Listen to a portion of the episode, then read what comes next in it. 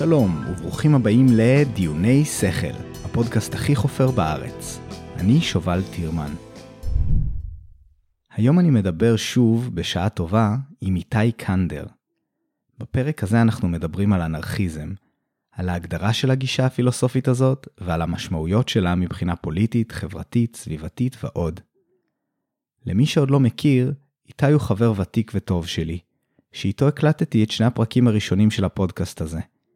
איתי הוא עובד סוציאלי, וממנהלי המיזם דיאלוג פתוח ישראל, ששם למטרה להביא לארץ גישה טיפולית חדשנית בתחום בריאות הנפש. הזכרנו את הנושא הזה בקצרה בשיחה, ואני אצרף כישורים למי שרוצה לשמוע עוד. בכלל, אני ממליץ לעיין בכישורים הפעם, יש כמה מעניינים. במהלך הדיון, ניסיתי לאתגר את איתי כמה שיותר לגבי הדעות שלו, ואני חושב שיצאה שיחה מרתקת במיוחד. אני אשמח מאוד לשמוע את דעתכם על פרקים מהסוג הזה. אני נמצא עם איתי קנדר. מה נשמע איתי? ברוך השם, בסדר גמור. איזה כיף שחזרת אלינו. אמ, איתי, אנחנו היום אמרנו שנדבר ככה בכותרת כללית, נדבר על עניין האנרכיזם. עכשיו, אה, זה נושא שאני בכלל בכלל לא בקיא בו, ואתה, אני לא יודע אם אתה היום מגדיר את עצמך כאנרכיסט, או כאילו כמישהו שמתעניין בזה, נמשך לזה, אבל לא ממש. אה, והאמת שזה מבחינתי אפילו פחות הנקודה. תכלס הייתי רוצה לדבר איתך קצת על, על, על מה זה, עד כמה שאתה יודע לתאר את זה, אה, וטיפה להיכנס לפילוסופיה של הדבר הזה. כי, כי לי יש כאן הרבה מאוד סימני שאלה. אז בוא בבקשה תתחיל לספר לנו מה זה אנרכיזם, איך זה שונה ממה שאנחנו מכירים.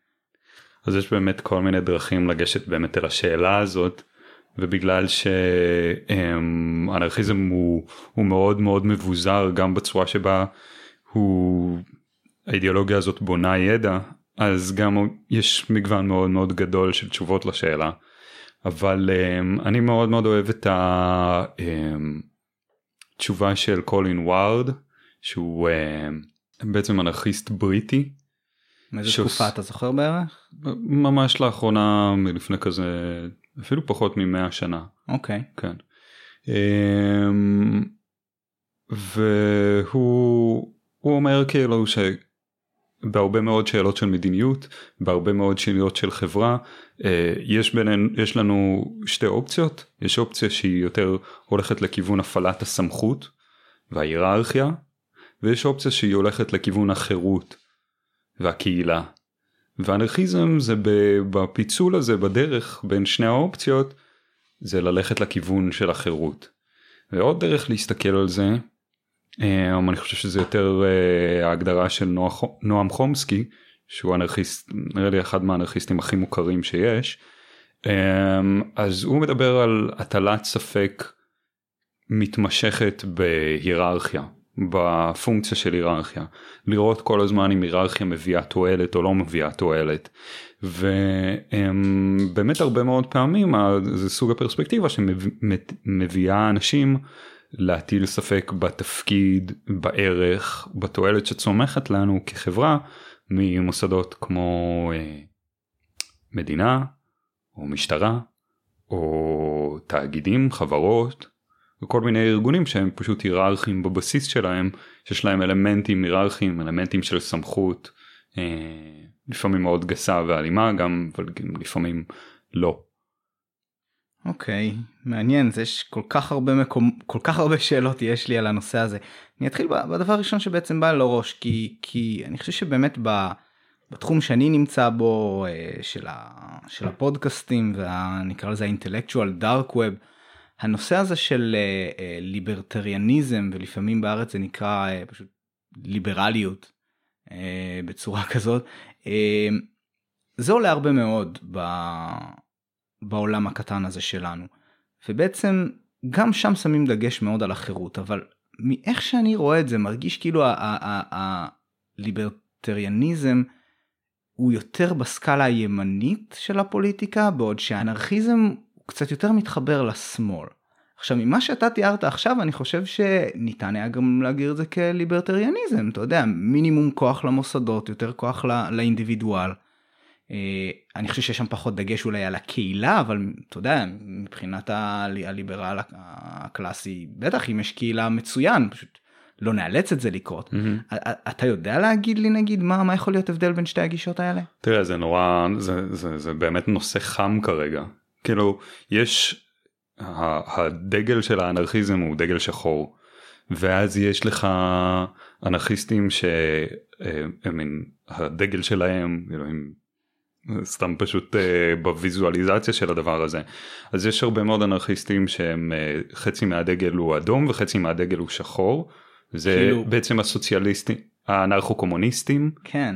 יש את האקו אנרכיסטים שזה חצי ירוק וחצי שחור. ובאמת ב-20 שנה האחרונות יש אנשים שעושים דגלים כאלו של חצי צהוב שזה קפיטליזם וחצי שחור שזה אנרכיזם כאילו כן. זה הם אנרכו קפיטליסטים. איך הם מצליחים לעבור את הרגולציה של הדגלים?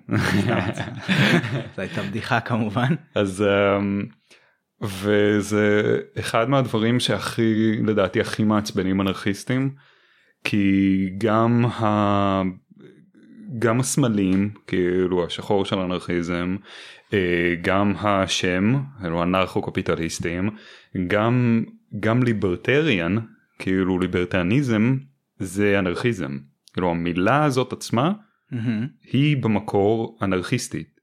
אלו זה ככה האנרכיסטים הראשונים קראו לעצמם הם היו הם היו ליברטריאנס סושיאליסט ליברטריאנס אז רגע אז מי טבע בעצם את המונח אנרכיזם זה כאילו זה איזשהו כינוי גנאי ש, שצץ לשם לא כאילו... זה זה זה זה התחיל בעצם עם אה, עם פרודון okay.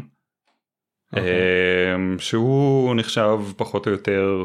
האנרכיסט המסודר כזה האידיאולוגי הברור המובהק ביותר כאילו של אתה יודע בתולדות האידיאולוגיה הזאת אפשר להגיד. כן אוקיי רגע אני, אני לא רוצה שנסטה פה יותר מדי אז דיברנו קיים הבדל לא קיים הבדל מה מה השורה התחתונה. ההבדל הכי הכי מובהק הוא הוא זה שבעצם מי שמכנים היום את עצמם ליברטריאנס הם באמת הרבה יותר קרובים לליברליזם קלאסי. Mm-hmm.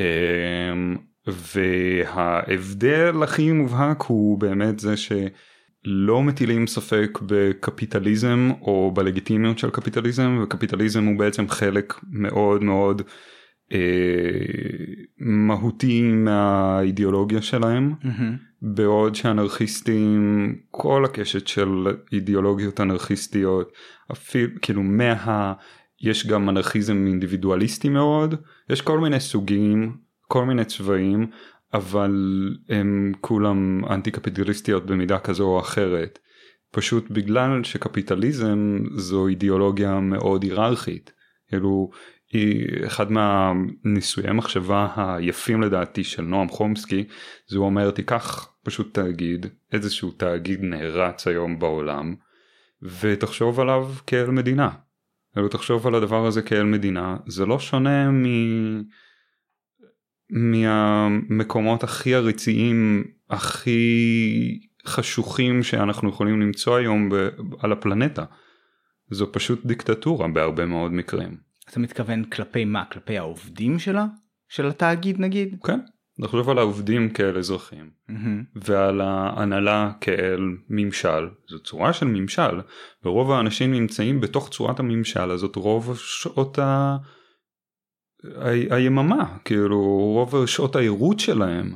אוקיי okay, אבל טוב בסדר נראה לי אין בעיה פשוט שנצלול פנימה לתוך זה. אה, אני כבר אתה יודע לא יוצא לחשוב על זה הרבה אני לא לא מגיע לזה מוכן מראש מהבית מה שנקרא אבל אני כבר רואה מלא בעיות בדימוי הזה. Hmm, למה? אני אני אזרוק אני אזרוק פה כמה דברים שעלו לי לראש תוך כדי שדיברת קודם כל העניין הזה של האנטי קפיטליזם. אפשר כמובן לדון בזה אבל הקטע הזה של אנטי במידה מסוימת עם גישה שכביכול באה לתת כמה שיותר חופש. אז כאילו אני אני מדמיין לעצמי מה החלום הרטוב של של אנרכיסט. אם החלום הרטוב זה להפיל את המוסדות ובעצם לתת לאנשים את כל החופש אה, לעשות מה שהם רוצים ומה שהם בוחרים.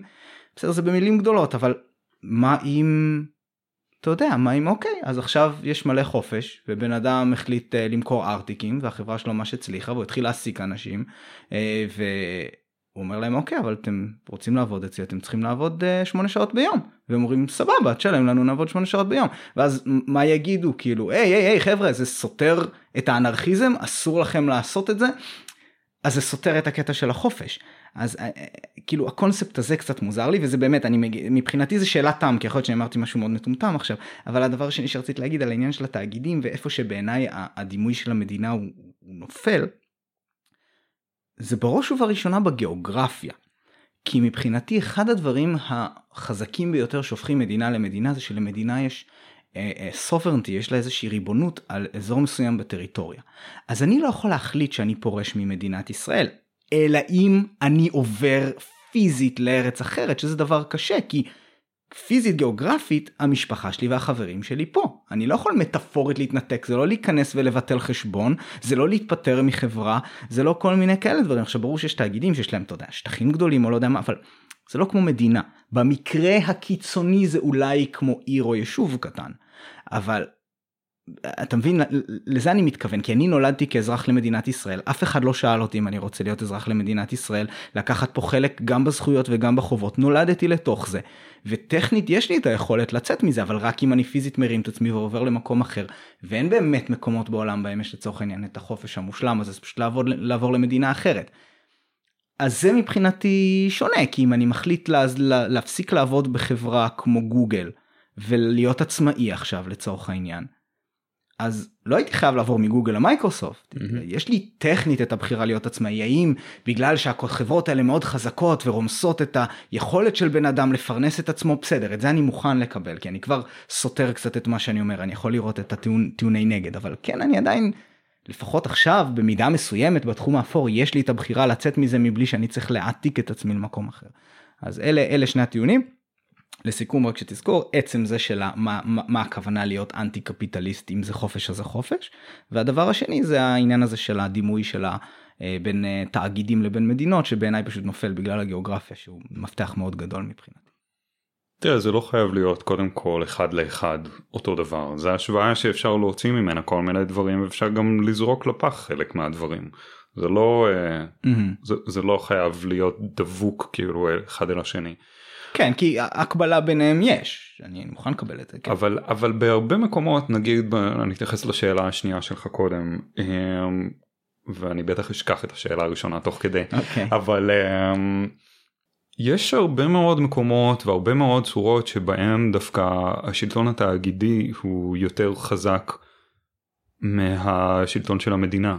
כאילו יש מקומות שבהם זאת אומרת, המדינה היא לא נוכחת הרבה מאוד פעמים בחיים שלך כמו שחברות נוכחות בתוך החיים שלך. אתה קונה מהם, אתה עובד בשבילם ואתה חייב לעבוד כדי להתקיים.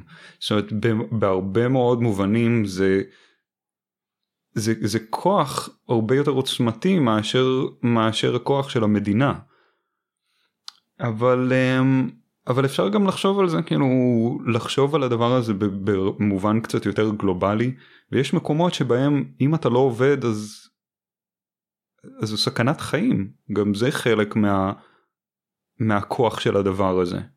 בהתייחס אל השאלה הראשונה אבל אבל רגע רגע רגע רגע מה זאת אומרת זה סכנת חיים כי כאילו זו ברירת מחדל אוקיי כאילו ברירת מחדל היא שאם אתה לא עובד לפרנסתך.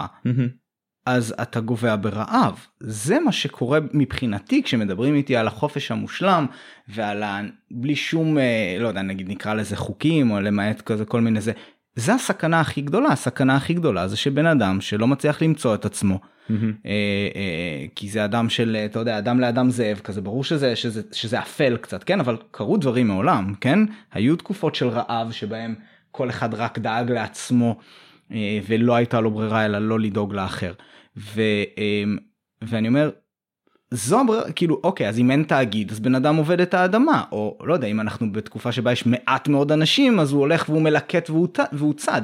מעצם זה שאתה צריך לאכול ואתה צריך לשתות וכל מיני כאלה דברים אוכל כאילו זה לא זה לא דבר פשוט בטח לאוכלוסייה יחסית גדולה אז משלב מסוים בן אדם החליט לגדל לעצמו גידולים ומאז הוא משועבד לדבר הזה אז במקום לעבוד לעצמו הוא עובד למישהו אחר אני מבין את ההבדל אבל זה לא כאילו שאתה יכול להחליט בכל סיטואציה שפשוט אתה, אתה, אתה לא עובד. תראה זה הבדל שהולך ונהיה קריטי ו- ו- וחריף יותר. היום יש לנו קודם כל אנחנו בעצם זורקים בין 30 ל-50 אחוז מהמזון שאנחנו מייצרים. כן? במקומות היותר עשירים היותר לבנים אנחנו זורקים חצי מהמזון שאנחנו מייצרים. אוקיי, זה, זה, זה, זה דבר לא יאומן. אני יודע אבל זה לא כמו שזה נשמע לדע, עד כמה שאני שמעתי אבל בסדר נגיע מה, לזה. מה זה אומר זה לא כמו שזה נשמע. אוקיי.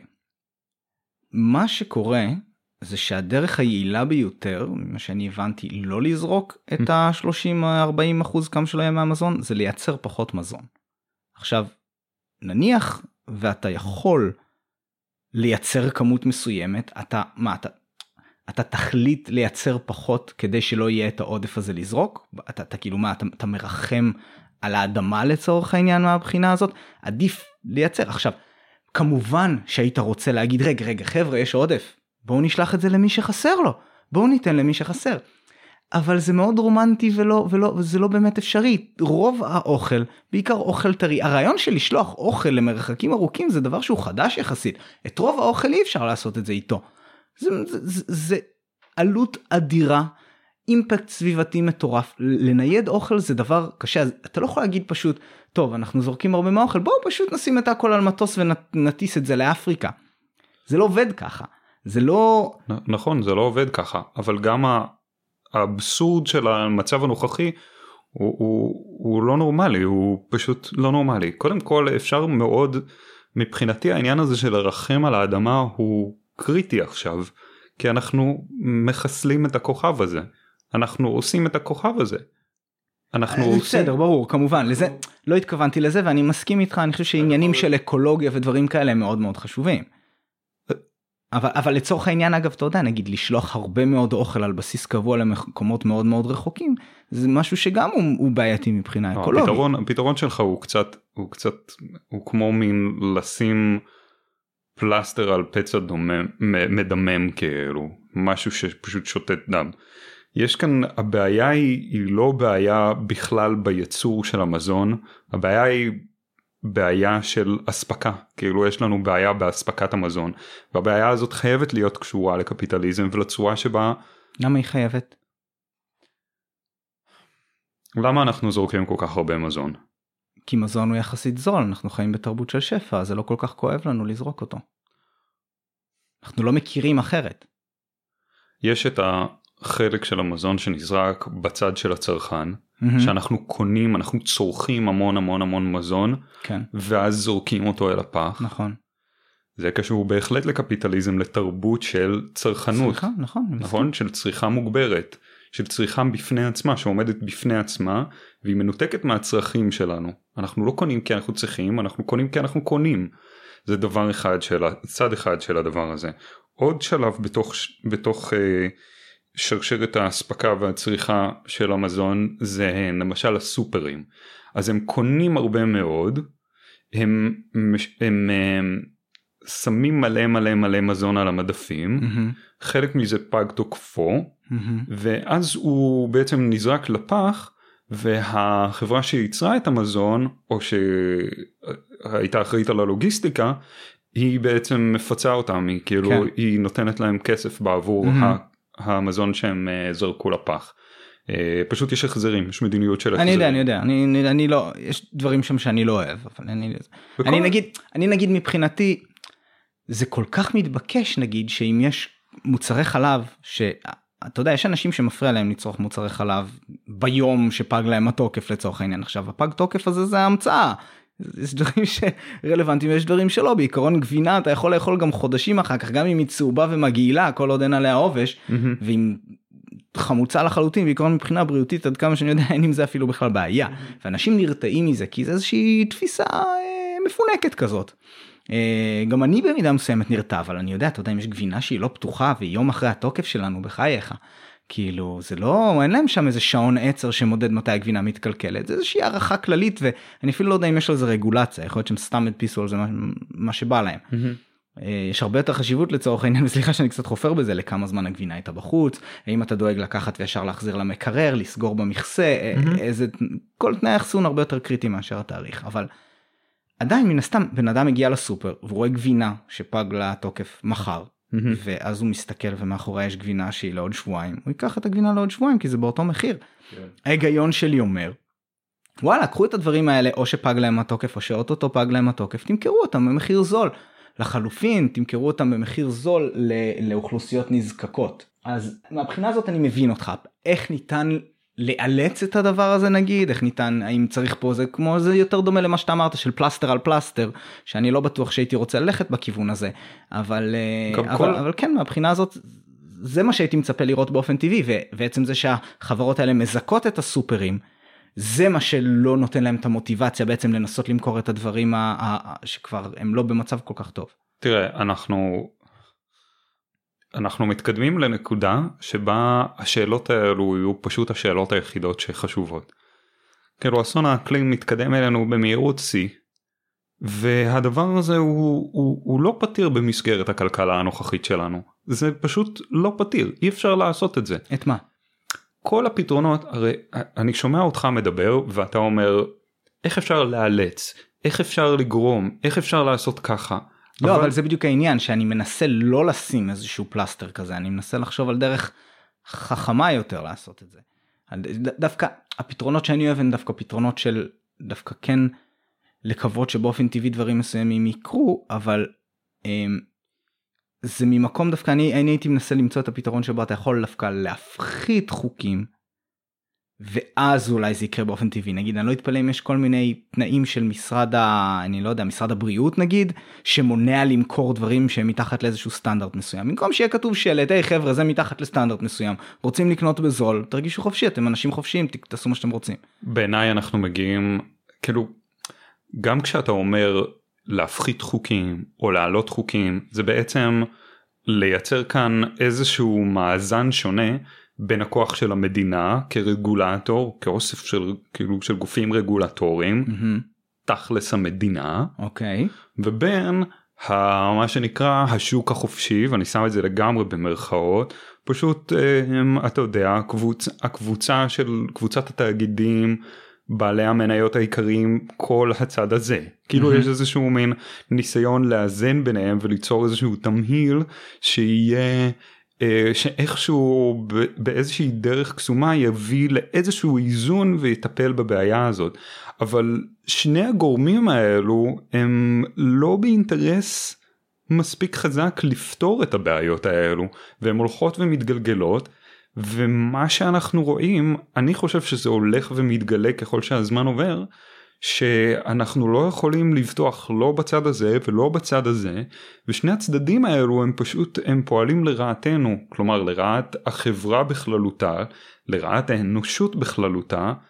אמ, ובעניין הזה רק לומר משפט אחרון על הדבר הזה אמ, אסון האקלים הוא מין הוא מין אמירה כזו של היקום לי כאדם מאמין אני לפעמים כאילו כבר אומר כמו זה כמעט כמו אמירה של של אלוקים כאילו בעניין הזה. זה איזושהי אמירה שדורשת ממך מחשבה אחרת דיבור אחר צורה שונה של התארגנות. אין אתה לא יכול לפתור את זה בכלים שיש לך עד היום. אתה רואה כמה אתה כושל. למשל אתה רואה שאמנת פריז לא הולכת. אתה רואה שמדינות לא באמת עושות שום דבר. אתה רואה שהדברים שהתאגידים הגדולים עושים בעניין הזה, למשל בסוגיות של מחזור או בסוגיות של uh, צמצום צריכת uh, דלקים מזהמים, אתה רואה שזה הכל מס שפתיים שפשוט הוא, הוא לא מספיק. בזן, אני לא יודע מה, אפשר ללכת okay, עם זה אוקיי, למיליון okay, כיוונים. אז אני... אני רוצה לקחת פה כמה כמה צעדים משמעותיים אחורה. קודם כל תראה אני אני עדיין מה... רק כהערת צד כי אני לא רוצה לפתוח את זה כי אני לא בקיא יצא לי לשמוע לאחרונה נגיד אם, אם לאנשים פה יצא אה, לראות את אה, דוקטור יוני דובי.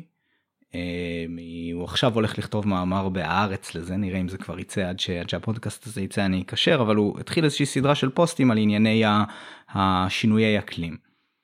הוא ספקן מאוד מאוד גדול על הכל, על כל מיני כאלה דברים, ונגיד אחד, אחד התזות היותר אה, משמעותיות שלו, זה, זה, זה בעיסוקו הפרטי, לא, לא כדוקטור, ל... אני לא זוכר מה הוא עושה שם, אה, באוניברסיטת אה, בן גוריון, נראה לי איזה משהו לחומרים אולי, mm. לא סגור על זה, אבל בכל אופן, אחד הדברים שהוא אומר זה שזה פשוט אסון. ש, שהרבה מאוד מהעולם זנח את העניין הזה של אנרגיה גרעינית.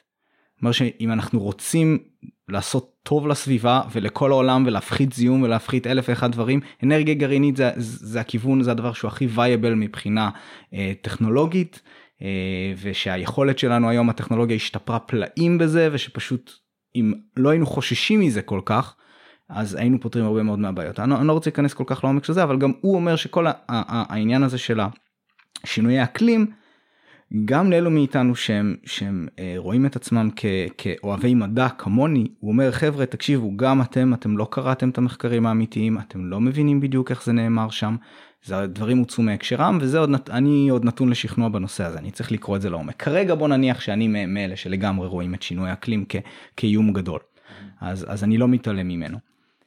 אבל מה שאני אומר זה שכמה דברים חסרים לי פה. אחד, מרגיש לי שיש איזושהי בחירה אצלך, אצל אנשים בצורת החשיבה הזאת, לראות את הרע בעולם.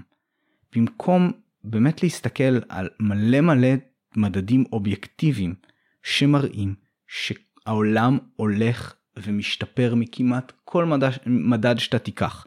אני, הכוונה היא כלפי בני אדם, כן? כלפי הטבע, כלפי החיות זה כבר אולי סיפור אחר. כלפי בני אדם אובייקטיבית היום אין כמעט כל בן אדם בעולם טוב לו היום יותר מאשר אם הוא היה חי לפני 100 שנה. אין כאן שום ספק. וזה מוביל אותי באמת אולי לעניין הקודם הזה של הבזבוז אוכל. הרי היו תקופות קשות מאוד של רעב בעולם. דברים נוראים ואפשר למצוא תיעודים לזה זה מזעזע אנחנו לא מסוגלים אפילו לדמיין את זה mm-hmm.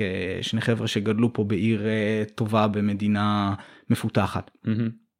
דברים נוראים והיום עם כל הדברים הרעים שקורים אפילו התמונות האלה שיש את אחת התמונות המפורסמות של הילד גובע מרעב באפריקה והנשר כזה לידו זה גם דבר שהוא מאוד מאוד נדיר למצוא בימינו אפילו בלב ליבם של המדינות העניות ביותר באפריקה.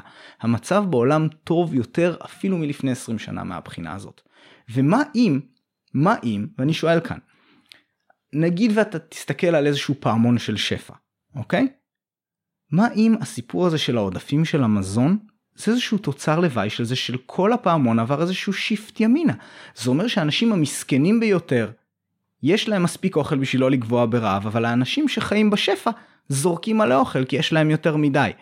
אז מה אם זה איזושהי בעיה כזו שפשוט אומרת אוקיי מייצרים מלא אוכל האוכל המחיר שלו כל כך ירד אז משתלם למכור אותו גם למדינות אפריקאיות בזיל הזול זה משהו שמשתלם לעשות אבל למדינות מפותחות יותר הן יכולות להרשות לעצמן לקנות כמות מטורפת ואז הם נשארים עם עודף וזורקים לפח. אני לא יודע אם זה בגלל זה אבל אני אומר מה אם זה המצב מה אם המחיר של זה שאנשים לא יגבו ברעב או שיהיה הרבה איזושהי כמות מסוימת של אנשים שזורקים מלא אוכל. כאילו זה לא סכום אפס להפך פשוט יש יותר מזון לכולם. אז למי שיש הרבה יותר זורק חלק. עכשיו זה, זה גם לי זה כואב תמיד כואב לי לזרוק אוכל עד היום דור שלישי לשואה ו, וזה עדיין uh, מפריע לי. בגלל זה אני חושב שכל העניין הזה של אסון האקלים זה באמת אולי שאלה קרדינלית לעניין הזה כאילו אולי זה משהו שצריך להגיע אליו או להסכמה או להבין את שורש המחלוקת אבל מבחינתי זה זה ממש Game Changer מוחלט הדבר הזה. כי באמת אפשר לשאול את השאלות האלו עד אין סוף עד הנצח. מה אם זה אולי יותר טוב? מה אם זה אולי פשוט אה, הרע במיעוטו מה אם זה זה? מה אם זה פה? מה אם זה שם?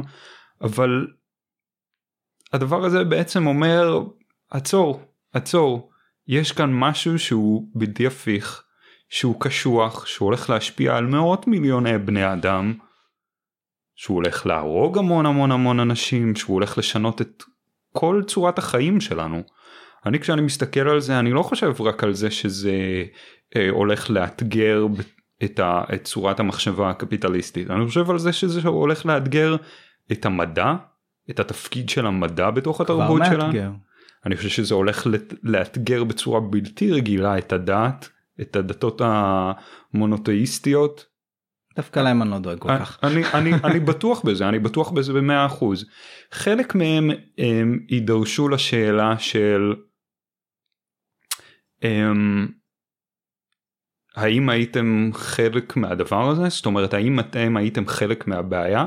וחלק יידרשו לשאלה של אה, למה לא הייתם חלק מהפתרון. אם אתם טוענים שאתם עליונים בצורה כזו או אחרת, אם אתם טוענים שאתם מחזיקים באיזושהי אמת שיש לה איזשהו... זה אתה מפנה גם כלפי המדע וגם כלפי הדת. אני חושב, אני חושב שזה שאלות, שאלות שהולכות ומבצבצות. אני, אני מבין אבל פשוט רגע נקודתית על זה להגיד לך למה אני לא מודאג מהדת. הנצרות שרדה יפה מאוד את השואה. מצטער להגיד לך זה היה חתיכת אסון ולא רק שהם עמדו בצד היה גם שיתופי פעולה עם המשטרה היו גם כאלה היו גם נוצרים כמובן אתה יודע ששמרו על ילדים יהודים בכנסיות וכאלה אין מה להיכנס פה לפרטים הנקודה היא שאתה יודע.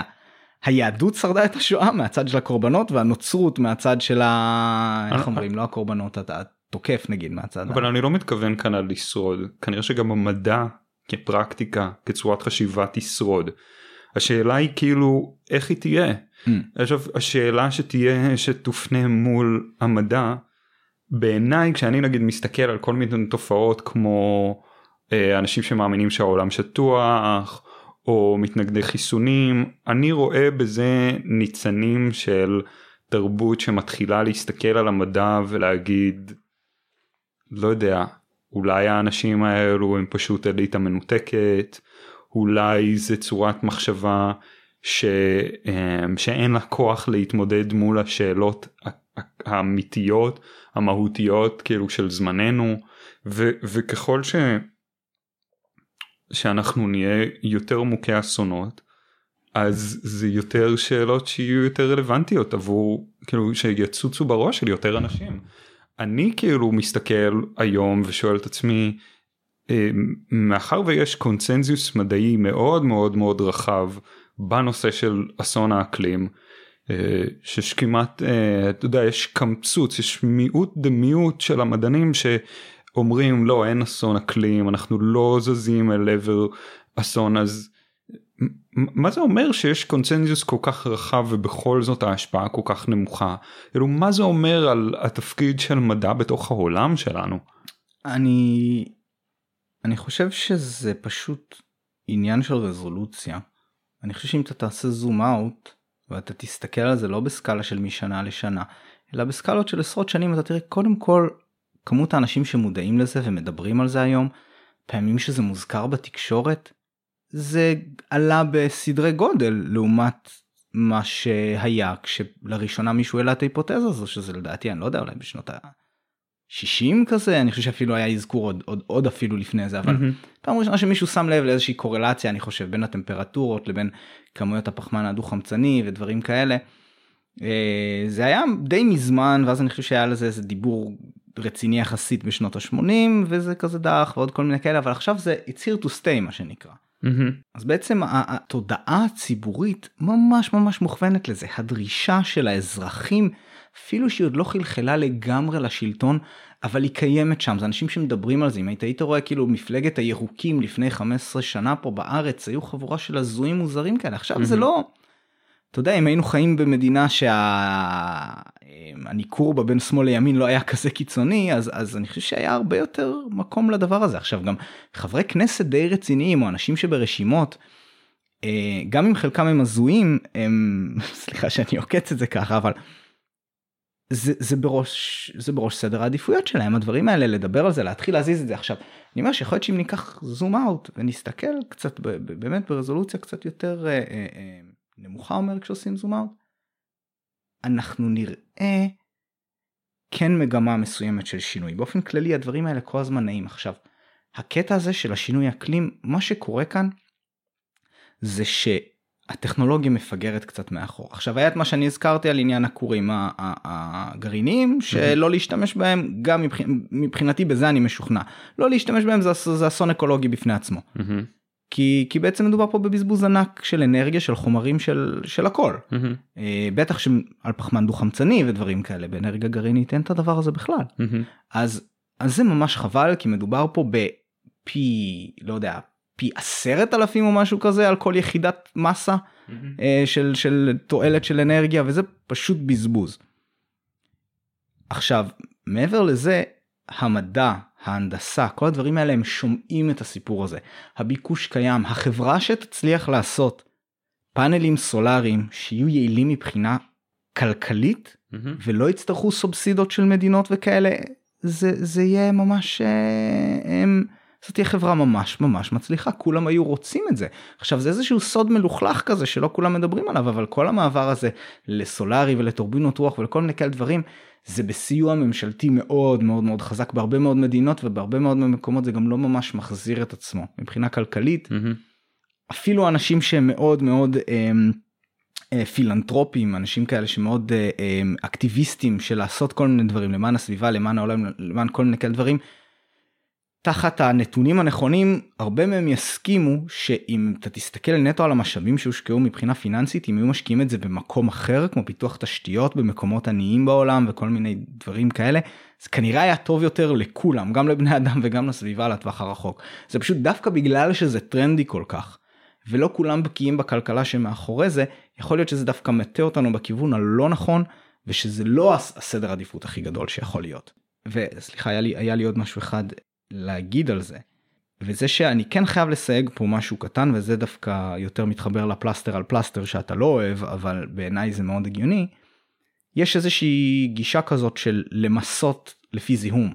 Mm-hmm. בין אם בדרגה הכי קיצונית שהמס היחיד שאתה תשלם זה לפי האימפקט שלך של הסביבה שמעתי את זה רק בכותרות ואני לא בקיא בזה אבל זה נשמע נחמד Mm-hmm. ויש את האחר שהוא פשוט קרבון טקס שבעצם מה שעומד מאחורי זה זה אומר שבעצם חברה שמזהמת המון נגיד נסתכל רגע נטו על פחמן דו חמצני בש- בשביל הדוגמה הזאת שמוציאה הרבה פחמן דו חמצני כי זה הדלק שזול לה לקנות עכשיו הכי זול לה לקנות אה, דלקים כאלה פוסל פיולס. אז בעצם בצורה עקיפה היא מקבלת איזושהי סובסידה ממשלתית בדבר הזה בגלל שהיא לא צריכה לשלם על הזיהום ועל ההשפעה שזה עושה על הסביבה וכל מיני כאלה אז זה כאילו איזושהי הנחה.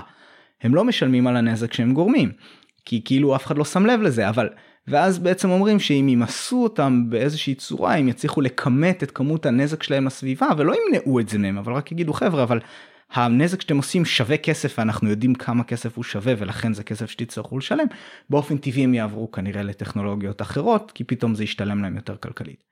מיציתי את מה שיש לי להגיד על הדברים האלה בבקשה. כן אני אני מנסה להיזכר כאן כאילו במה שקראתי על הקרבן טקס אבל אה, ולא מצליח לא מצליח להיזכר בזה. אני אני מרגיש מיואש מהרבה מהפתרונות האלו. אני אומר לך בצורה באופן אישי אני מרגיש פשוט פשוט מתוסכל מכמה שהרבה מהדברים האלו כושלים בצורה כל כך קריטית כשהעמדה הטכנו אוטופית הזו שיגיע בקרוב משהו שיציל אותנו היא פשוט אה, היא הולכת ונהיית אה, היא, היא בעיניי הולכת ונהיית הזויה יותר. היום אני מסתכל על אנשים כמו אתה יודע כל מיני יש לי חלק חלק מהחברים כל מיני טיפוסים פרדס חנאים כאלו באמת היפים ש... שלא כל כך שונים מההיפים של ה sixties כאילו אתה יודע והיום אני מסתכל על האנשים האלו ש... אה, רוני קובן הולך ו, ומבקר אותם ב, בכל מיני אה, מין קומונות או פשוט מין אה, אוהל בטבע או כל מיני כן, שיט מהסוג הזה. איתי מדבר פה על הסדרה יוצאים מהכלל של כאן אה, היא זמינה לכולם ביוטיוב. תראו זה נחמד מאוד. אז כשהוא הולך לבקר אותם בקומונות? אז אז ההסתכלות היא כמו וואו איזה חבורה של הזויים בני הזויים. ואני עכשיו מסתכל על זה וחושב כאילו זה זה הפתרונות. כאילו האנשים האלו הם, הם ממש ממש הקדימו את זמנם. יש את כל הפתרונות האלו אפשר לשים קרבון טקס ואפשר uh, לעבור לאנרגיה גרעינית ואפשר זה ואפשר זה אבל האסון כל כך זז במהירות כל כך גבוהה אלינו שהפתרון הכי נכון זה לצרוך מינימום ל- ל- להשתמש במינימום של המינימום של אה, פלסטיק לא לצרוך בשר לא לנסוע במכונית. כאילו הדברים הנורא נורא נורא בסיסיים האלו למרות שהם כאילו רק אדם אחד וזה רק אדם אחד ועוד אדם אחד הם, הם הופכים להיות פתאום פתרונות סופר הגיוניים. כי כל הפתרונות הסמכותניים שאתה כופה על איקס אנשים הם הם backfires. יש להם את כל ה... הם, הם חוזרים אליך והם לא עושים את התנועה הזאת. אבל איתי אתה עושה פה אתה, אתה עושה פה הטיית איך זה נקרא זריזות ידיים כזאת. מה זה כאילו מה מה אתה תגיד אבל לאנשים תפסיקו לצרוך זה הדבר הכי כוחני שיכול להיות. אני, אני לא צריך למה למה זה דבר כוחני בכלל? אני לא אני לא מאלץ אותם לעשות את זה. אני אומר עכשיו אתם צריכים לבחור בין המוות שלכם המוות של הילדים שלכם אסונות רבים שילכו על הראשים של הנכדים שלכם. אם אכפת לכם מהשושלת שאתם עכשיו מתחילים אם אכפת לכם אמא שלכם, מסבתא שלכם, מאנשים שאיתם אתם חיים, אם אתם לא רוצים לראות את החברים שלכם מתים מכל מיני דברים מזוויעים, אז אתם צריכים עכשיו לשנות את זה. אתם יכולים גם לבחור ב... ב... לבחור ב... ב... בדרך שבה בחרתם. אבל זה מה שקורה. מה, מה שונה אז ממה שיש היום? בן אדם יכול להחליט שהוא הולך ועובר לקומונה כזו. אגב, תכף נדבר איתך על מה שאני חושב על זה, אבל באופן כללי, אני מנסה להבין איפה, איפה החופש. אז אתה אומר, אז, אז נניח לרגע שיש חופש, בן אדם יכול להחליט שהוא הולך ועובר לחיות בקומונה מינימליסטית כזאת. נכון, כן. למה אנשים לא עושים את זה?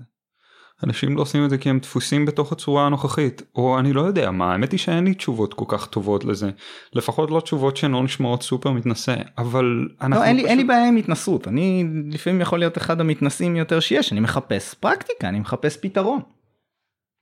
בוא תניח אוקיי אין לי בעיה אתה רוצה שנניח שהציבור מטומטם בכיף אני מניח את זה כל הזמן.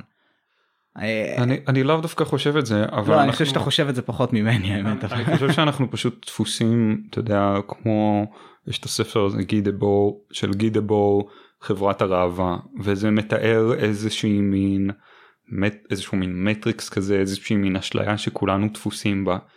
ואולי הדבר הכי נכון והדבר הכי חכם והכי יפה והכי הכי מלא חסד שאפשר לעשות בעידן הזה זה באמת להגיד לאנשים סביבך ולדאוג להם ולהגיד להם תשמעו אנחנו נמצאים בתפנית היסטורית. אנחנו לא במצב שונה מהותית מערב מלחמת העולם השנייה או אפילו יותר מזה כאילו מין משהו בסדר גודל של פי עשר מזה בערך ועכשיו אתם צריכים לבחור למה אתם רוצים לעשות איזה מין חברה אתם רוצים לחיות okay, אוקיי, בה. אז אז כאן אני ואתה באמת מגיעים לאיזושהי נקודת uh, תפנית די רצינית כזאת.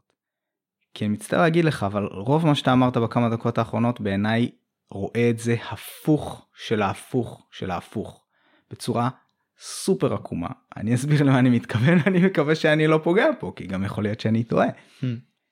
אני חושב שמה ש... קודם כל אני חושב שהעולם הזה עכשיו הוא במצב הרבה יותר טוב משהוא אי פעם היה. מכמעט כל בחינה ואני אניח רגע את החיות המסכנות אה, שנכחדות להן בכמויות בצד. אמ, אגב לא כי לא כי זה לא חשוב אלא כי אני חושב שגם בתקופות שבהן היה הרבה יותר אה, הרבה פחות טכנולוגיה והרבה יותר זה פשוט בני אדם לא היה אכפת להם מכלום צדו על ימין ועל שמאל והרבה מאוד מהכחדות של החיות הגדולות היו כנראה בהשראת בני אדם ואף אחד שם לא ריחם על הממוטות. Mm-hmm. פשוט לא היו מודעים לזה אפילו פשוט עכשיו אנחנו מודעים. שזה כבר טוב בעיניי אבל הערת אגב כזאת נניח את זה רגע בצד. העולם במצב טוב המגמות הכלליות אלינו הוא זז למעט מינימום מקומי כזה שבו אנחנו לרגע יש איזה משברון ואנחנו יוצאים ממנו. המגמה הכללית היא מגמת עלייה ושיפור באיכות החיים של כל האנשים בכל העולם.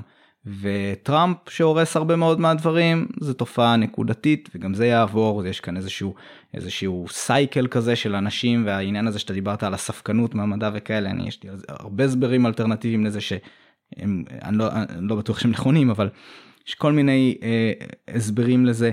באופן כללי המגמה היא מאוד מאוד טובה עכשיו למה אני לא חושב שאנחנו נמצאים במקום שהוא כמו ערב מלחמת העולם השנייה. אה, קודם כל אני חושב שאין אף אחד מהסימנים האלה שהולכת לפרוץ פה איזושהי מלחמה בקרוב בעיקר כי זה לא משתלם לאף אחד וכאן נכנס החלק המשמעותי ביותר שזה האנטי שלך כנגד הצריכה.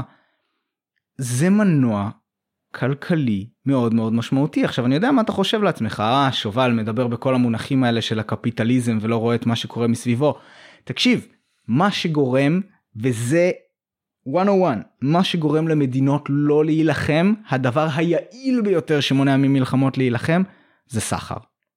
שתי מדינות שיש ביניהן סחר טוב על בסיס קבוע הסיכויים שתפרוץ ביניהן מלחמה הם קלושים.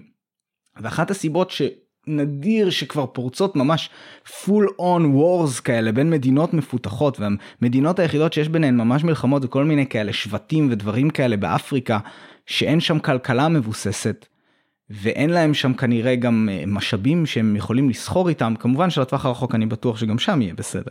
אבל אתה רוצה שלא יהיה מלחמות תעשה מסחר. ומה שקורה במסחר השפע שלך גדל וכולם נהנים ממנו. אמרתי לך הסיבה שאנחנו בעיניי יש לנו תרבות שפע שיש לנו כל כך הרבה מבחינתי זה איזושהי הקרבה מסוימת לזה שלאנשים הכי מסכנים שיש להם גרוש ומרוויחים מאית אחוז ממה שאני מרוויח בחודש ומטה לפעמים שגם הם יכולים להרשות לעצמם לקנות אוכל אה, אה, אה, ולטפל בילדים שלהם ולהקנות חינוך לילדים שלהם ושהילדים שלהם יוכלו ללכת לבית ספר כי עד לפני כמה מאות שנים אין כזה דבר. ילד היה צריך לקום ולעזור בעסק המשפחתי אם זה חקלאות או כל דבר אחר כי זה עוד זוג ידיים. מה אתה תיתן לו עכשיו 18 שנה להתבטל? אז אז הרעיון הזה של לאפשר לילדים להתחנך וכל זה זה פשוט זה תוצרים נפלאים בעיניי של העידן המודרני ונגיד ואנחנו נלך למה שאתה אומר אני רואה את זה כאסון אם אנשים יפסיקו לצרוך אם אנשים יפסיקו לקנות. יכול להיות שמתישהו לטווח הרחוק נצליח לייצב את הכלכלה בצורה כזאת שלא יהיה בזה צורך אבל כרגע בעיקר. אתן לך דוגמה אחת ובזה אני שוב אעביר את רשות דיבור אליך זה באמת זה אנקדוטה אז אני לא יודע מה להסיק מזה אבל. קח את מייקרוסופט. חברה ענקית שאגב היום דעת הקהל כלפיה השתנתה מאוד אבל הייתה תקופה שהם היו ה-evil corporate קומפני ששולטת בהכל ורומסת חברות קטנות וקונה אותן אה, ומפרקת אותן לארוחת בוקר שזה במידה מסוימת כנראה נכון היום. והדבר הזה אבל ההון הענק שם נגיד הצמיח את ביל גייטס. שהוא ואשתו שניהם מנצחים על משהו שכבר הציל אני לא אתפלא עם מאות אלפי אנשים אם לא מיליונים הוא התפנה לדבר הזה בגלל איזשהו הון גדול עכשיו שוב זה אנקדוטה אתה לא יכול להסיק מזה שאם יהיה לך חברות גדולות אז אז יהיו לך מזה אנשים טובים בהכרח סתכל לא יודע ג'ף בזוס נראה לי די כמו חתיכת חרא ויש לו מלא מלא כסף ובינתיים הוא לא עשה עם זה שום דבר ממש לטובת האנושות. חוץ מזה שכאילו אמזון זה דבר די נחמד וכולנו אוהבים את זה אבל אבל מבחינת uh, פילנטרופיה לא נראה שהוא נע לכיוון הזה. Uh, אז אני אומר רק תסתכל על הדבר הזה באמת ה Bill and Melinda Gates Foundation מהדברים המדהימים והיפים יותר שבן אדם פרטי הקים ויצר כמובן עם כסף של הרבה אנשים אחרים זה לא רק הכסף שלו. אבל והרצון שלו לנסות לחנך ולידע את האנשים על מה שקורה ועל מה שצריך ועל מה הפוקוס וכל מיני קיצר זה בעיניי ממש מקסים זה משהו שקרה באופן ספונטני מבלי שאף אחד היה צריך אה, לסבסד ולהנחות ולדחוף. ממש מקסים בעיניי ופשוט לדעתי זה לא היה יכול לקרות בלי תרבות הצריכה והרבה מאוד אנשים חייבים לזה את חייהם. אז אה, לא, שוב אנקדוטה כן אתה לא חייב להתייחס אליה. לא אני, אני חושב שזה קודם כל זה זה סיפור מעניין כאילו זה סיפור מעניין. אבל um, אתה, אתה בא אליי ואומר איתי למה אתה מחריב את המסיבה כאילו תראה איזה מסיבה יפה. תראה כמה בולונים יש לנו איזה אחלה מוזיקה איזה כיף כאן הכל כל כך אחלה האם באמת צריך להתחיל ולחרבן באמצע המסיבה הזאת? ו- וזה קצת כאילו אתה יודע מרגיש לא בקטע של לרומם את עצמי כי אני אתה יודע אני קול קטן בתוך קול של הרבה אנשים שאומרים את הדברים האלו mm-hmm. ותמיד מקבלים את התגובה הזאת מנגד זו, זו הריאקציה הפופולרית והשכיחה ובתכלס לא, ההגיוני. אני לא חושב אגב הרבה מאוד אנשים חושבים שהעולם במצב רע אני, אני חושב שהקטע הזה של להסתכל על הנתונים ולראות שהעולם במצב טוב ונע לכיוון טוב זה משהו שהוא יחסית חדש אני נחשפתי אליו רק לפני איזה שנה שנתיים. אנחנו נמצאים בעידן יחסית טכנו אופטימיסטי ויחסית לא כל כך טכנו פסימיסטי באמת להערכתי אבל גם אם גם אם גם אם הנטייה היא של הרוב לצד הזה וגם אם הנטייה היא לצד הזה כשמישהו בדרך כלל מעלה נבואות חורבן אז האמירה הסטנדרטית ואני חייב לומר זה מתקיים גם בתוכי גם כשאני חושב על הדבר הזה יש לי קול בתוכי שאומר אבל למה? אבל למה להתעסק בזה? למה בכלל? כאילו באמת הדברים נראים לא רע בכלל. אני לא קרוב בכלל לרעב. אה, המשפחה שלי במצב סבבה. אה, נראה שכולם כאילו בסדר די בסדר. אה, ואתה יודע זה קצת כאילו אותי זה קצת לי זה קצת מזכיר אה, חלק מהנביאים בתנ"ך כאילו במיוחד את ירמיהו שהוא לדעתי ה...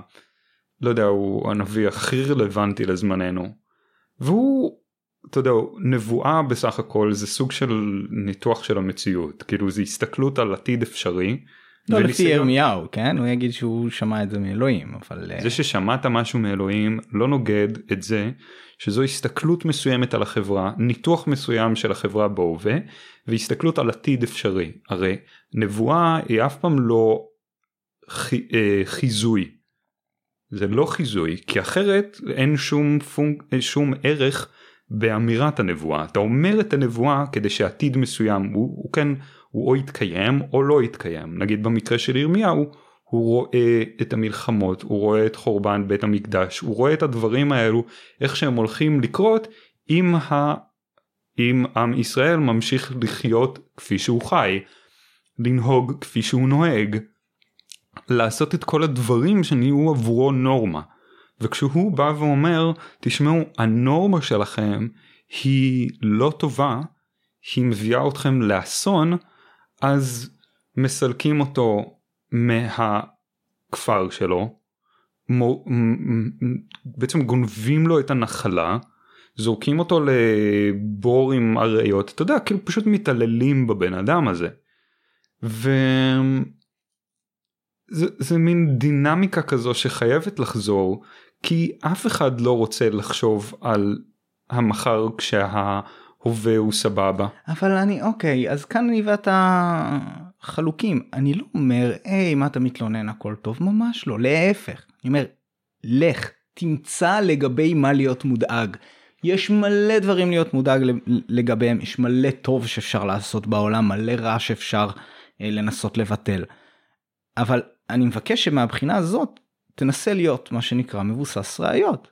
יש רשימות שתדע לך באמת זה גם יצא לי לשמוע מישהו אני אני אנסה לקשר לזה שהוא היה באיזושהי אה, אה, מועצה כזו שיעצה לאו"ם עשתה לו את הסדר העדיפויות שם mm. והם בעצם אה, אה, לקחו את כל הבעיות שרוצים לפתור גם את כל ההצעות שעלו מכל מיני מדינות של דברים שצריך לנסות לפתור בעולם אה, והם יצרו איזשהו מדד כזה של כמה ישתלם לנו להשקיע בזה עכשיו אני לא יודע אם המדד הזה הוא נטו פיננסי אני לא בטוח מה הם לקחו בחשבון שלנו אבל הרעיון היה להראות כמה בעצם uh, uh, value for effort אתה, אתה תקבל ומהבחינה בעיקר של מקומות שהם כמה שיותר חלשים וכמה טוב שאפשר לעשות שם בקלות.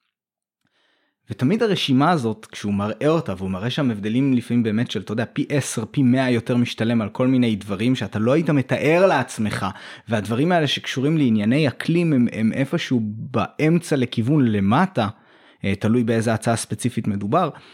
וזה בן אדם שהוא ישבו שם אתה יודע כמות גדולה של אנשים עם מלא נתונים ומלא מלא דברים וגם אותם לפעמים הדברים האלה מפתיעים. והוא אומר שזה פשוט לא יאומן כמה ש... אתה יודע, אתה מדבר על ענייני היררכיה ועל עניינים כאלה של נרטיב והיררכיה שמייצרת נרטיבים מסוימים. מה עם הסיפור הזה נגיד של ספציפית ענייני climate change? זה איזשהו נרטיב ש... שהכתיבו לך עכשיו אני לא אומר כאילו תטיל ספק בהכל וזה הכל קונספירציה לא אבל יכול להיות שיש אנשים הרבה מאוד מהם עם כוונה טובה שפשוט מעלימים עין שהדבר הזה אמנם הוא בעיה. אבל שיש בעיות שיותר גדולות ושניתן לפתור בהרבה יותר קלות ועם עם, עם ניצול הרבה יותר טוב של משאבים מאשר להתמקד בזה. לצורך העניין ההשקעה של כמה מאות מיליארדי דולרים אם אני לא טועה יורו באיחוד האירופי בעניינים של, של פאנלים סולאריים ואנרגיה חלופית ודברים כאלה. שהם לא הם לא נכונים כלכלית כאילו הם לא החזיקו מעמד הם לא החזיקו מעמד בלי סובסידות. ובעצם אתה יודע זה מצחיק יכול להיות שייקח להם 15 שנה ליישם איזשהו סטנדרט של אנרגיה חליפית וב-15 שנה האלה הטכנולוגיה השתפרה כל כך שכל מה שהם התקינו הוא כבר uh, כשלג די אשתקד. זה כבר לא שווה. ומהבחינה הזו בסדר זה אני שוב אני אני אלה טידביט שאני שומע מכל מיני מקומות ואני לא יודע לעשות את הסדר במאה אחוז ככלל אני בעד שיסתכלו על הסביבה אני בעד ש, ש, ש, יעשו מה שאפשר לעשות כדי להפחית את האימפקט שלנו חד משמעית אני חושב שגם ענייני הכחדה זה דברים שלא מדברים עליהם בכלל מספיק זה לא רק מה יקרה לנו אני כן יש לי כואב לי על, על, על חיות שנעלמות ולא חוזרות יותר. Mm-hmm. וקיצר אז אני, אני, אני רק אומר יש צריך פשוט לנסות להסתכל על הדברים ולראות לא להיות סתם פסימיסט בסדר להיות פסימיסט אבל לא יודע צריך לנסות ולראות אם אתה שם את הפסימיזם שלך במקום הנכון. קודם כל סתם הערה על העניין הזה של כל פעם ששמים את המשקפיים האלו של רגע זה טוב לכלכלה רגע זה לא טוב לכלכלה זה זה זה שוב פעם צריך לומר הכלכלה היא לא דבר שמתקיים בנפרד מבני אדם. ברור. זה לא משנה אני מסכים. אם הכלכלה הולכת אחלה ואנחנו כולנו אתה יודע במצב נוראי. והרבה מאוד מהמדדים שלנו הם מדדים אני חושב בראייה קצת היסטורית יותר גדולה הם קצת הזויים. כאילו התוצר הלאומי הגולמי הוא יש בו משהו מאוד מאוד ביזארי ש, אמ, שמטה את המחשבה כאילו באמת מטה את הקוגניציה הגלובלית להתעלם מכל מיני דברים שהם פשוט כל כך כל כך כל כך חשובים בקיום שלנו. וגם יש בתוך כל הדבר הזה איזה מין הסתכלות כזו של אה, כאילו הכל אפשר פשוט לצרוך ולשנות וזה ואפשר פשוט לחיות לנצח על, על דלק ובלה בלה בלה בלה וכל מיני דברים כאלו שהם לא שמים לב לכמה שהדברים הם לא כאלו ואי אפשר פשוט לכלות את, את הכוכב לנצח אבל אני מרגיש כאילו אני נופל לקלישאות פשוט בעניין הזה של עד איפה ללכת עם, ה, עם הפסימיזם מבחינתי יש המון המון המון ערך בפסימיזם. אה אבל לא אמרתי שלא, לא אמרתי לך להפסיק להיות פסימיסט. ואפילו, ואפילו בפסימיזם שהוא אמ, תראה יש משהו גם מתעתע בכל העניין הזה של בין פסימיזם לאופטימיזם כי מישהו הכי הכי הכי הכי אופטימיסטי בעיניי בעת הזאת זה מי שרואה את גודל הסכנות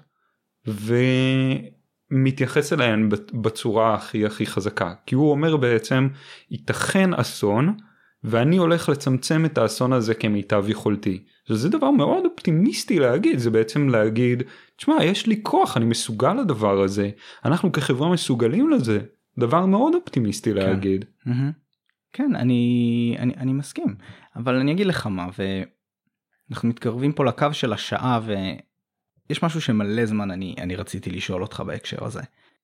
הרבה מאוד מהשיחה הזאת הייתה כאילו הדגש שלך לאנרכיזם היה סוג של מה לא מה לא עובד מה איך אנחנו רואים את הדברים באיזושהי צורה אה, אה, מסוימת אבל לעומת נגיד הליברטריאניזם. ש...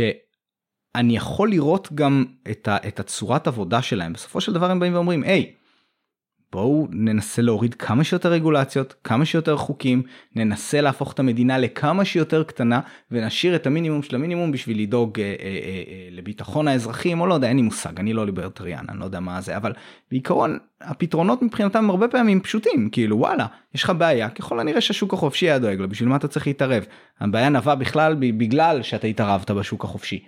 והרבה פעמים הטיעונים שלהם מאוד משכנעים אבל יש כאן מסלול יש כאן גם מטרה יחסית ברורה להגיע אליה. אמ, מהצד הזה של האנרכיזם מרגיש לי כאילו הפתרון הוא להחליף את האוכלוסייה. הפתרון הוא כאילו אבל כולם כל כך מתעסקים בזה אם רק הם היו רואים אם רק הם היו זה אולי היינו יכולים לעשות פה איזשהו שינוי איזושהי מהפכה איזשהו. אבל מה, ה... מה הפתרון מה רוצים לעשות כי כל דבר כזה שאני הולך בתוכו בראש שלי מרגיש שהדרך להגיע לשם היא רק בכוחניות. רק בכוחניות mm-hmm. לפרק תאגידים אה, אה, אה, אה, להוציא אנשים מלא יודע נגיד עם, עם בעלי קרקעות ממש ענקיים להעיף אותם מהקרקעות שלהם לעשות כל מיני כאלה דברים אני לא יודע כל מיני דברים שעולים לי עכשיו בדמיון זה דורש נגיד במינימום של המינימום אקט כוחני זמני שאחריו משחררים בעיניי גם זה לא יתפוס וזה יצטרך להיות אקט כוחני שיישאר כוחני. שימנע את היכולת של תאגיד גדול להיווצר, שימנע מאנשים את היכולת לזהם יותר מדי את הסביבה, שימנע מאנשים את היכולת לקנות כלי פלסטיק. כאילו, אני לא רואה איך הדברים שאתה אומר יכולים, יכולים להסתדר. אה, זה, זה מתחבר ל, לכמה סוגיות שנידונו לדעתי די, אה, די עד הסוף שלהם בתוך, בתוך ההיסטוריה של אנרכיזם. אני לא בקיא במיוחד. אבל חלק מזה זה יושב על המחלוקת שבין בקונין למרקס כשמרקס טוען באמת שצריך לייצר דיקטטורה של הפרולטריון שזה בעצם באמת לקחת את המדינה ולהפוך אותה לכוח נגדי לקפיטליזם לתאגידים ולבעלי ההון כל הדבר הזה. אמ, ובקונין לא רואה, לא רואה בזה אפשרות טובה כי הוא באמת אמ, בקונין בעצם טבע את המונח הזה של אמ, הבירוקרטיה האדומה והוא בעצם חזה הוא ניבא בדיוק לא נורמלי לדעתי את, אה, את ברית המועצות ואת כל מה שקרה שם תחת סטלין שזה פשוט קטסטרופה ואתה יודע מי שרוצה להעמיק בזה שמספיק שיקרא טיפ טיפונת ממה שטרוצקי כתב וזה וזה פשוט קטסטרופה לא נורמלית כי mm-hmm. בעצם המדינה הופכת להיות הכוח הדכאני ביותר חוץ מזה שכאילו ממש בשורה התחתונה של הדבר הזה זה אפשר להגיד שזה פשוט נגיד היום זה ברור שזה לא פתרון לבעיות הגדולות ש... מולן אנחנו עומדים. מהו כן פתרון? תראה אני יכול כאילו להגיד שאני מוצא את הפתרונות אה, בעולם הזה של קהילות ובעולם הזה של אה, התאגדויות וולונטריות ובדבר הזה גם טיפוסים אה, אנרכיסט, גם אנרכיסטים ישראלים אני מכליל למשל את ברק כהן ואת עידן לנדאו כאנרכיסטים אני לא יודע אם הם היו אה, סבבה עם, עם כן. זה כן אבל לי נראה שהם מספיק מספיק טובים בשביל להיכלל בקטגוריה הזאת. אמ, בכל מקרה הרעיון הזה של לייצר חיבור וולונטרי זה אומר זה, זה אומר גם דברים קטנים לא, אפילו דבר קטן כמו לעשות להתחיל לעבוד את האדמה בגינה הקטנה מתחת לש... mm-hmm. לבית שלך. או, או כאילו um, לאגד את העובדים במקום העבודה שלך.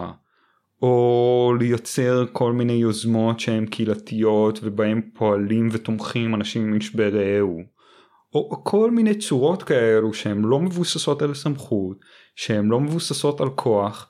אז זה כאילו נראה קטן מדי ולא מספיק חזק כדי לתת קונטרה לכוחות באמת העצומים אבל במקום מסוים יש יש לזה צד שבסופו של דבר חייב להגיע למאבק כלשהו בכוחות האלו.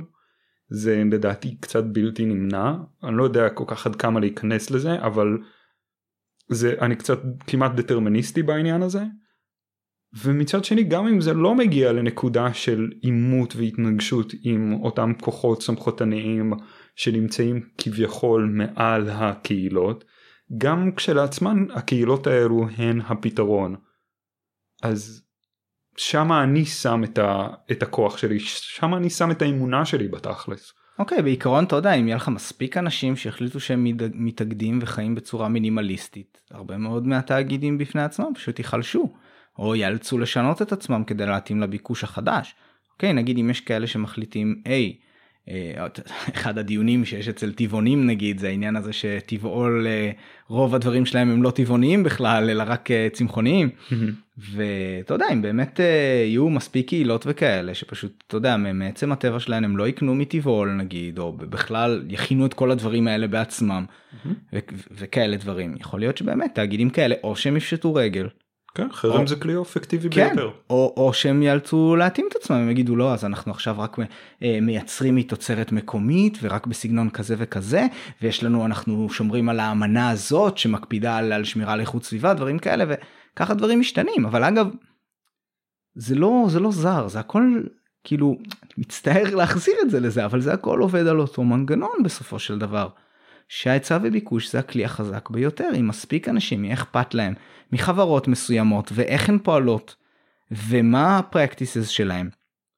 אז זה, זה ישתנה וכבר היום יש לך לא מעט חברות שזה בעיקר מס שפתיים אבל אני מאמין שזה טוב יותר ממה שהיה בעבר שאתה יודע ייתנו כל מיני הצהרות לגבי איך הן אה, איך חשוב להן כאילו לא לפגוע בטבע ולהיות אקולוגיים וזה ממוחזר וזה זה וזה זה ואני מתאר שזה הרוב בולשיט אבל אבל הם מנסים הם מבינים שזה חשוב לאנשים. עכשיו האם אתה תצליח להשכיל את האנשים עד כדי כך שהם ידעו לשים לב מתי הם מבלשטים אותם ומתי לא? זה, זה אני קצת ספקן יותר. תראה הדבר הזה הוא, אה, הוא לא רק נע על הציר הזה של אה, חרם צרכני. זה נע על אין ספור צירים. גם שיטור אפשר להעביר את זה לצורה קהילתית יותר.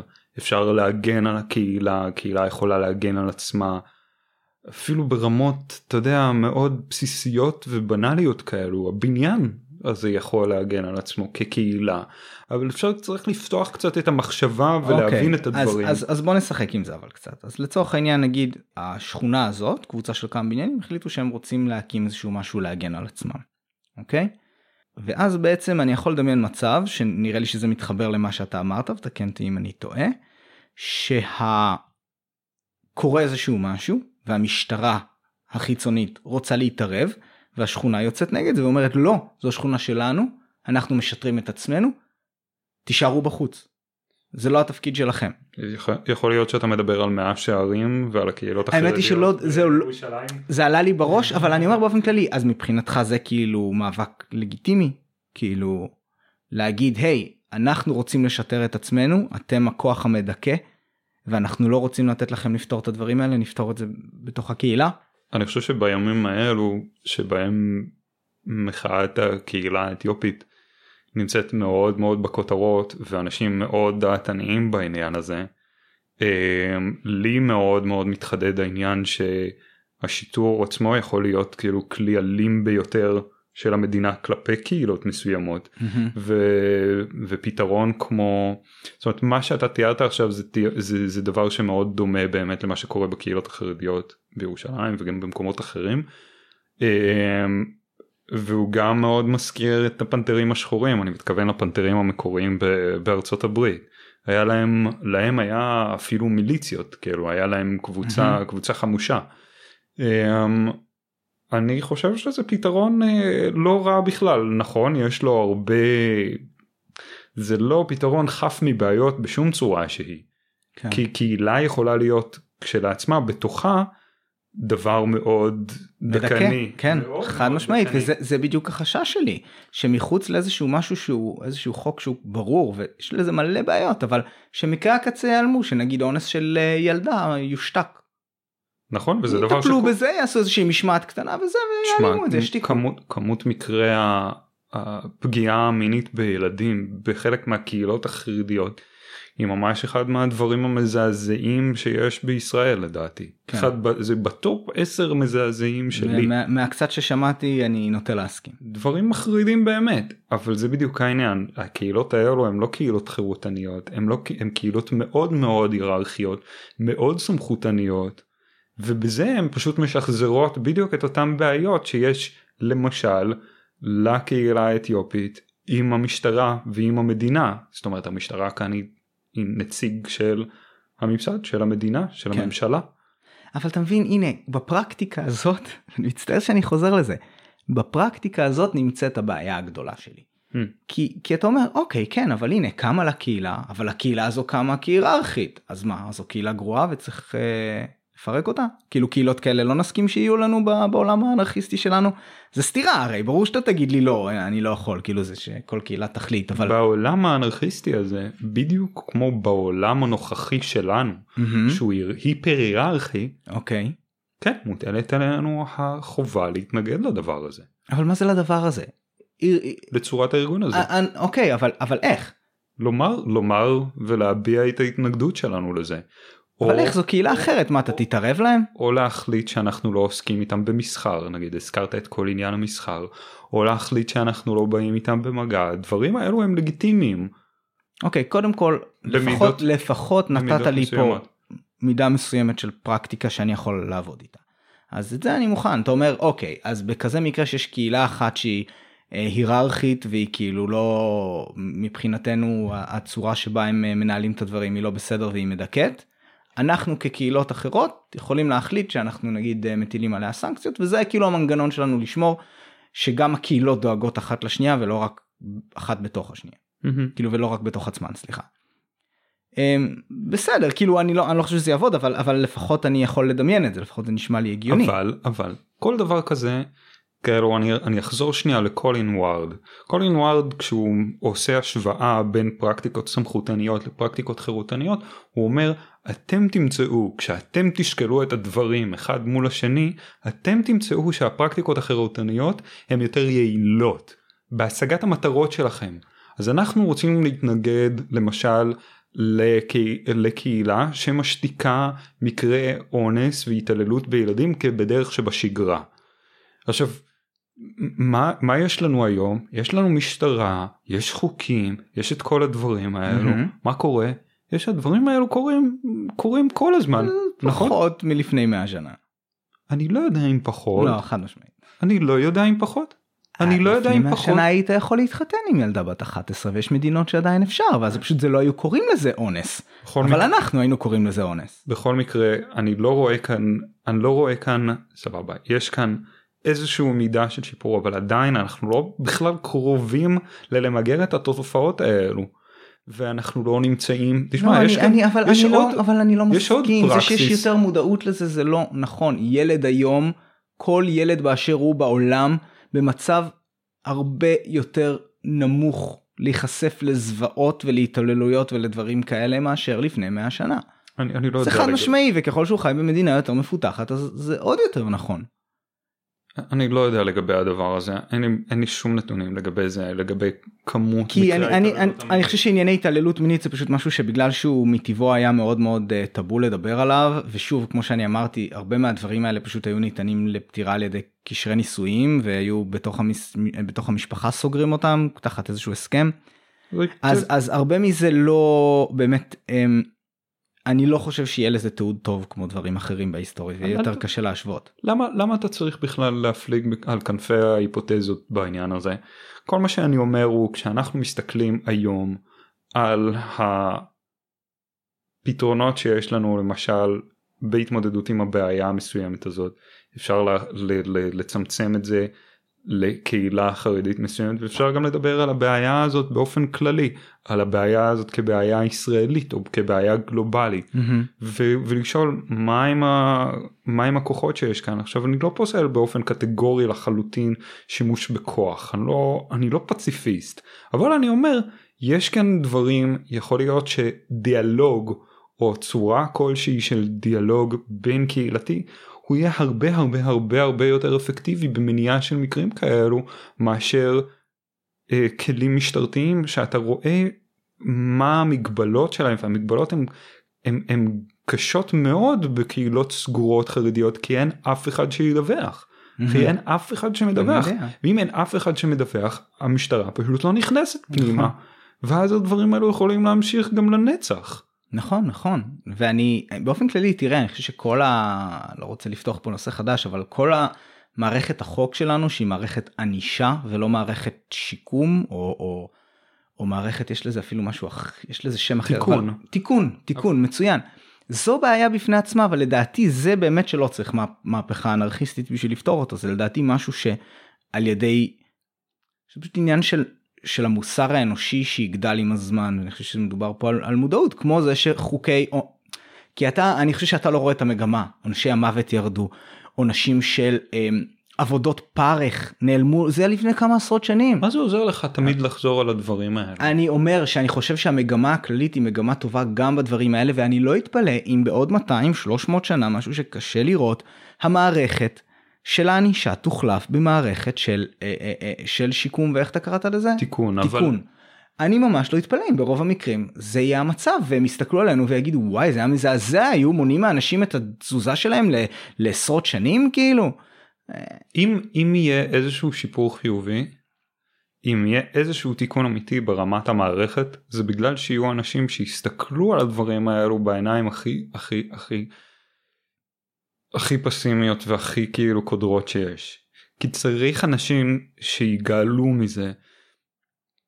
ש, ש, ש, שפשוט יתאהבו את הקיים כדי שיהיה איזושהי אני, תנועה. אני כזאת. מסכים, מהבחינה הזאת אני מסכים, האינדיבידואלים, האנשים שפועלים וגורמים לשינוי ומחלחלים, אתה עושה את הדבר הזה עם הדיאלוג הפתוח שלך. אה, אלה דברים שהם נפלאים בעיניי ומדובר פה בהעלאה של מודעות אני אני אגיד לך אנחנו זה לא דיון על הדיאלוג הפתוח אבל כשאתה פעם ראשונה אמרת לי את הסיפור הזה של טיפול שהוא קבוצתי לעומת טיפול שהוא פרטני ואמרת לי מה ההיגיון מאחורי זה בשני משפטים מאז אני לא מצליח להפסיק לחשוב על זה פתאום אני שומע על כל מיני אנשים שעוברים טיפול פרטני ואני כזה איך זה יכול להיות שהם עוברים טיפול פרטני הרי ברור שהבעיה כאן היא גדולה יותר וצריך לערב עוד אנשים אז זה פתאום אני לא מסוגל to unsee it מה שנקרא. אז אז מהבחינה הזאת אני לגמרי מסכים ותראה נגיד עניין הטבעונות. אני גם לפני שני פרקים כשדיברתי עם אה, כיפח גם דיברנו על העניין הזה שם אני באתי ואני אמרתי היי אני מודע לזה שטבעונות זה הדבר המוסרי לעשות. אני מודע לזה אני יודע אני נמצא פה בתקופת ביניים ככל הנראה עוד 100 שנה בתקווה שהעולם ימשיך כמו שהוא ממשיך כי אני אופטימי.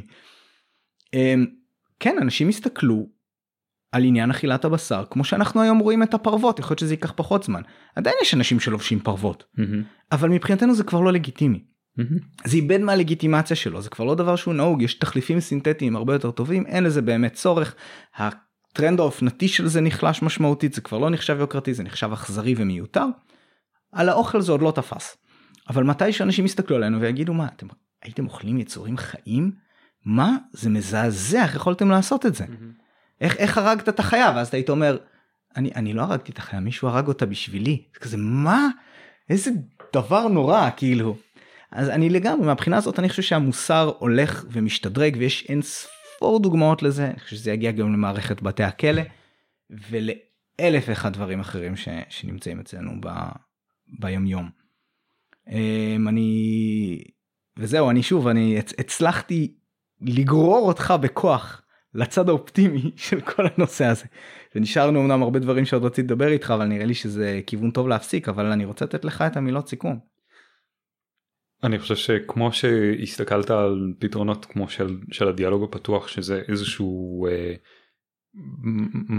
מין כיוון מהפכני בתוך תחום בריאות הנפש כפי שאני רואה אותו אה, ככה אפשר לחשוב על זה בכל מיני דברים. אפשר לחשוב על קואופרטיבים אפשר לחשוב על קהילות של סיוע הדדי ואפשר לחשוב על חינוך בצורה אחרת על חינוך דיאלוגי אפשר לקחת את הסט הזה של רעיונות של חירות ורעיונות של אה, חיים אתה יודע ברי קיימא ולהשתית אותם פשוט על כל מיני היבטים של החיים שלך ובכל מקום כזה בכל מקום ש... שלוקחים את המסגרת הזאת ומכילים אותה אני חושב שזה רק עושה טוב ואני חושב שזה רק אה, זה פותח את הראש ו... ו... וחושף לדעתי הרבה מאוד יופי באמת עבורי היופי האמיתי שנמצא בעולם כאילו האהבה האמיתית שנמצאת בעולם הדברים שבאמת שווה עבורם לחיות כאילו שהם באמת משמחים והם לא ממיתים את הרוח האנושית mm-hmm. כאילו עבורי הרוח האנושית זה, זה, זה, זה חירות כאילו אני חושב ששם זה יושב באמת. כן וואי תראה מה מה מה הצלחת לעשות הצלחתי לגרום גם לך לסיים על איזשהו נוט שהוא שהוא חצי אופטימי אז זה נראה לי ממש מקום מצוין להפסיק אז uh, תודה על דברי הסיכום האלה איתי היה לי ממש כיף לדבר איתך שוב. אה, ואתה לא תצליח לגרור אותי שנה שלמה עד הפעם הבאה, אני מבטיח לך. אז אה, תודה רבה איתי. תודה גם לך. ותודה למאזיננו, ואנחנו נתראה בפרק הבא של דיוני שכל.